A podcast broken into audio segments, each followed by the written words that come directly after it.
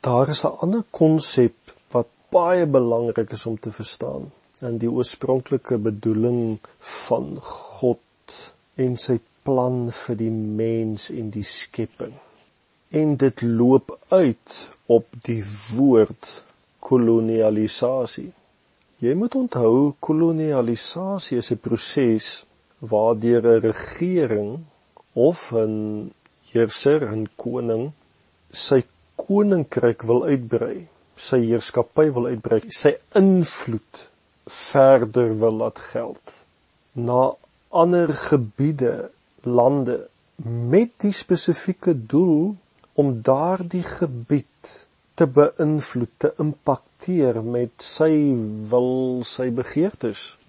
Die beginsel van kolonialisasie word verstaan as die proses om 'n uitgebreide gebied te transformeer om te wees net soos die regering wat sigself wil uitbrei.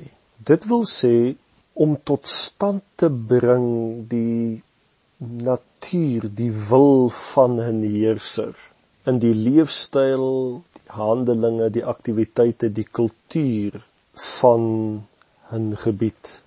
Dit wil sê God se motivering vir sy skepping is dat hy bedoel het om sy regeringsgesag te deel met sy kinders deur sy onsigbare hemelse koninkryk uit te brei na 'n sienbare aardse gebied realm met die doel om dit te kolonialiseer sodat dit net soos in die hemel sal wees en sy plan het bepaal dat hy van uit sy eie gees vir hom 'n familie sou skep wie net soos hy sal wees geskep in sy eie beeld en gelykenis.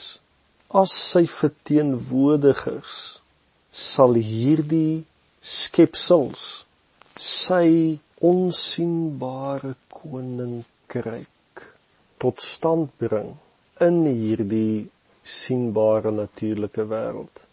Dit is sy oorspronklike bedoeling vir die mens gewees. Onthou in die koninkryk van die hemele is God se kinders prinses en prinsesse vir hulle om konings en koninginne te word moet hulle 'n ander wêreld kolonialiseer en daar konings word. Onthou daar's net een koning in 'n koninkryk. En die koninkryk van die hemel het alreeds 'n koning. Op aarde is ons konings, maar ons het almal ons ruimtes vir verantwoordelikheid oor dinge en in verhoudinge.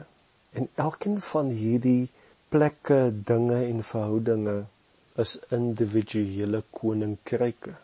So is 'n gemeente ook 'n individuele koninkryk. Daaroor praat ons 'n bietjie later. En as daarna Jesus verwys word as die koning van alle konings, beteken dit eintlik dat ons daardie ander konings is. Hy is die koning van ons. En onthou ook, ons het al reeds gesê dat geen koning het gesag oor 'n ander koning nie, slegs Jesus het.